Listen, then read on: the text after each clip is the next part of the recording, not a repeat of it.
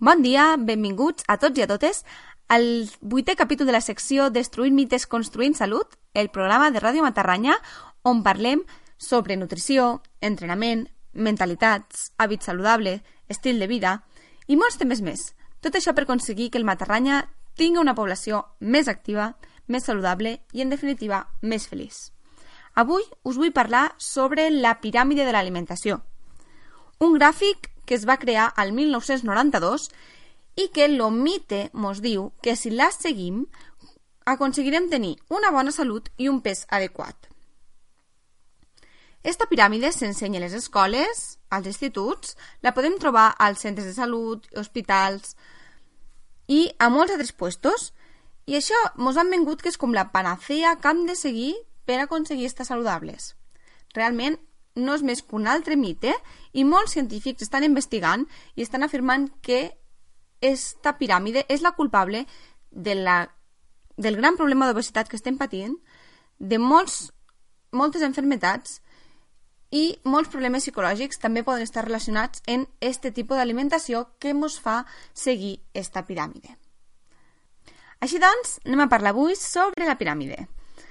Per als que no la coneixeu o no la tenim gaire, no estem gaire familiaritzats, us explicaré una mica en què consisteix aquesta piràmide de l'alimentació. La piràmide intenta separar els aliments en sis grups ben diferenciats i mos intenta dir una miqueta la quantitat de menjar que hauríem d'ingerir cada dia. Vale? Per exemple, al primer lloc, a la part de baix de la piràmide, la part més ampla, tenim los granos, que són los cereals, diguéssim. Vale? Poden ser cereals complets o poden, poden ser cereals processats. Per exemple, farina, arròs, eh, maïs, patates també s'inclouen. I com el cereal que més utilitzem és lo blat, lo trigo, pues ja entre lo, lo, la pasta, lo pa i moltes altres coses procedents de la farina. ¿vale? D'este grup mos diu la piràmide que hem de menjar entre 6 i 11 racions al dia. És molta quantitat. ¿Vale? A veure, una ració seria com lo palmell de la nostra mà, ¿vale? però n'hauríem de menjar entre 6 i 11 racions. És molt, segons diu la piràmide. Eh? No vol dir que sigui veritat. Verdures. En el segon lloc tenim les verdures, és el segon més gran, i diu que hem de menjar entre 5, entre 3 i 5 vegades. Verdures. Tot tipus de verdures. Fruites. És el tercer a la piràmide, també ocupa bastant lloc, i diu que hem de menjar entre 2 i 4 fruites al dia. En quart lloc, ja comença a ser més minudet, tenim les carns, les llegums, els peixos i els fruits secs i ens diu que hauríem de menjar entre 2 i 3 racions al dia. Què més? Los làctics, que se troben ja quasi a la part més alta de la piràmide, mos diu que hem de menjar entre 2 i 3 racions. De làctics doncs, hi ha iogurts, hi ha formatges i hi ha molts altres productes vale? procedents dels làctics. I per últim, a la part de dalt de tot, a la més punteta, tenim les grasses, olis i dolços, que ens diu que els han de menjar en moderació i de manera molt puntual. ¿vale? Aquesta és una miqueta la piràmide. ¿vale? Sé que ha sigut una mica rotllo, però m'agradaria que veiéssiu una mica pues, que ens diu que mengéssim molts grans, molts, molts cereals i molt poqueta grassa i molt poqueta carn i molt poquet peix i fruita pues, dos, quatre vegades al dia, que tampoc és molt. ¿vale? I verdura també 3 o 5. És a dir, jo per a mi la canviaria del tot. Quals són los, quins són els problemes que podem trobar en aquesta piràmide? ¿vale? Te'ls vull explicar.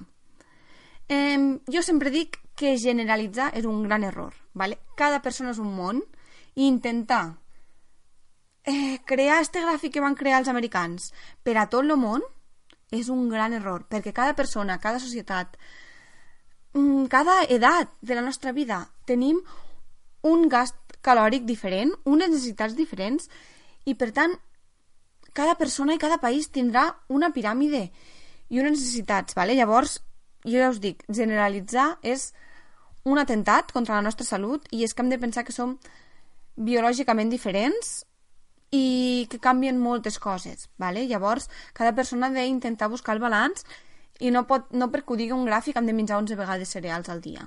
No. Vale? Quins són els gràfics més grans? Vale? Que Ai, quins són els gràfics? Quins són els errors més grans? Per a mi, un dels grans errors és la base. Tant cereals, mai de la vida és bo. Els cereals no, és un vegetal que ha, ha estat modificat i modificat i modificat i modificat i modificat fins arribar al seu estat actual, ¿vale? en el que podem consumir i el podem digerir bé. Però el nostre cos no està acostumat a això. Li costa de digerir els cereals. ¿vale? I clar, ara estem consumint tanta quantitat d'estos que ens estan arribant moltes al·lèrgies, intoleràncies al gluten... I no és perquè siguem raros, sinó perquè estem consumint una gran quantitat de cereal que el nostre cos no acaba sense poder digerir i acaben malaltint. Vale? Després també ens diu que tots els carbohidrats són bons. Podem trobar molts d'estos gràfics pa bimbo, podem trobar farina refinada i podem trobar pastes de mala qualitat. Vale? Per a mi això ja a ple segle XXI s'hauria d'eliminar. Les farines, cuidado, molt cuidado amb les farines, vale? perquè no és només que la farina sigui dolenta, sinó que és molt addictiva i no deixa de ser un processat. Vale? I realment un dia no passa res, però cada dia fa mal. ¿vale? El segon error que jo veig, totes les grasses són perjudicials. M'està dient que la grassa, mantequilla a dalt de tot, oli a dalt de tot de la piràmide, olives, cuidado, en fruits secs també en cuidadito. Clar, quan posem les grasses, que és un aliment tan necessari per al nostre cos, a la part de dalt de la piràmide, molta gent les comença a demonitzar, li comença a agafar por i realment les grasses són totalment necessàries per al nostre cos i és que les hauríem de consumir. Vale? Parlaré de les grasses en un futur, tinc en ment fer un, un programa sobre les grasses perquè té molts beneficis i si consumir si introduirem més grassa al nostre, al nostre dia a dia, molts problemes de salut se veurien mm, millorats i eliminats. En tercer lloc, l'oví i la cervesa ho consideren com un producte que podem consumir cada dia. Eh, crec que la cervesa, com t'us he dit, clar, és un producte procedent del, del blat, no? I clar, ells diuen que el blat 11 vegades no cap problema. I, bueno, també ens diuen que el vi, no?, que el vi conserva moltes propietats del raïm i que el podem consumir. Bueno, crec que el consum d'alcohol cada dia té uns grans riscos per a la salut. L'alcohol estressa el nostre organisme, estressa el nostre fetge, mos fa treballar més. Per tant, l'alcohol, per favor, no diguéssim que per... Eh, sí, és bo per a la salut, lo vi, perquè conserva les propietats del raïm i la fermentació fa que sigui bo per al cos. Ostres, para, para. Que en el raïm normal també tenim molts d'estos beneficis, que tenim la kombucha o tenim altres maneres d'aconseguir aquestes propietats sense tenir que sometre el cos a l'estrès que causa l'alcohol. Llavors això, Sí, consumim vi i cervesa de manera esporàdica, però no cada dia, per favor, eh? Cada dia, la base de l'alimentació... de una piràmide saludable tindre vi i alcohol, ai, vi i cervesa, no. Per a mi és inacceptable. Eh, finalment, bueno, gràcies a esta, a esta piràmide hem acabat que, eh, bueno, pues, que la dieta mediterrània se mos ha basat en això i mos han dit que la dieta mediterrània pues sí, són molts cereals, molts que l'arròs, que el, que el pa és part de la dieta mediterrània, que les pataques també, que sí, molta verdura, però carn i peix, pues bueno, de quan en quan, i gràcies fora. No, per favor, la dieta mediterrània és una dieta que se base en peix, blau sobretot, procedent del Mediterrani, se basa en grasses de bona qualitat dels animals que teníem, vegetals de temporada, i... Parlem-ne, patates no en teníem, eh? I, i cereals ben justets, no en podíem consumir cada dia. Se consumien moltes llegums, se consumien moltes olives, se ficava la carn en adobo i se menjava durant tot l'any. Vale? Tornem una mica i no demonitzéssim les grasses i deixem de pensar que els cereals són bons. Vale? Mm, podem veure que, bueno, que pff, la, el dia a dia d'un mediterrani és esmorzar cereals, galletes o bocates, mengem arròs per a dinar, o pasta, o patat, en patates fregides, sempre en pa i sempre consumim do, dolços de postre. I després per sopar, pues, bueno, el pa no falte, les pizzas, els biquinis i uf, Ens diuen que la dieta mediterrània és la bona, però crec que poques cases fan una dieta mediterrània tradicional, ¿vale? Eh, per últim, bueno, gràcies a aquesta piràmide de l'alimentació també hem demonitzat les grasses i hem creat una gran indústria vist que, ostres, tenen por les grasses, anem a crear un munt de productes per a que compren. I venga, productes 3%, productes desnatados, lights, i venga, anem a augmentar el producte, lo, lo percentatge de carbohidrats que han de menjar. 60% de carbohidrats al dia. No, no, per favor, estem menjant massa, massa, massa cereals, ¿vale? Què diu la història? I mirant una mica a la evolució de, de la nostra societat, ¿vale? i per intentar comprendre una mica per què augment, hem augmentat tant de pes, per què estem patint tantes enfermetats i per què tenim tanta depressió i ansietat. Eh, si girarem la vista una mica cap als nostres avantpassats primitius, comprendríem que l'agricultura dels cereals no existia. És a dir, les seves fonts principals de carbohidrats eren eh, vegetals silvestres que trobaven, les fruites de temporada que havien d'anar a buscar i els animals que trobaven. Aquestes eren les seues principals fonts d'energia, ¿vale? Després, si ja ens remontem potser una mica ja a les civilitzacions més actuals, si anem als romans, bàsicament tenien molt peix, tenien eh, productes d'origen animal, però en poca quantitat, i vegetals que podien conrear. Vale? Després ja en tota la revolució més de l'agricultura ja van arribar els cereals. Vale? Però no va ser ja ben entrada a l'edat moderna, que vam començar a poder accedir tothom als cereals. ¿vale? I, bueno, si preguntarem als nostres avis, mos, ells ens explicarien que, bueno, ells menjaven cocido cada dia, que menjaven suc i substància cada dia del món, no?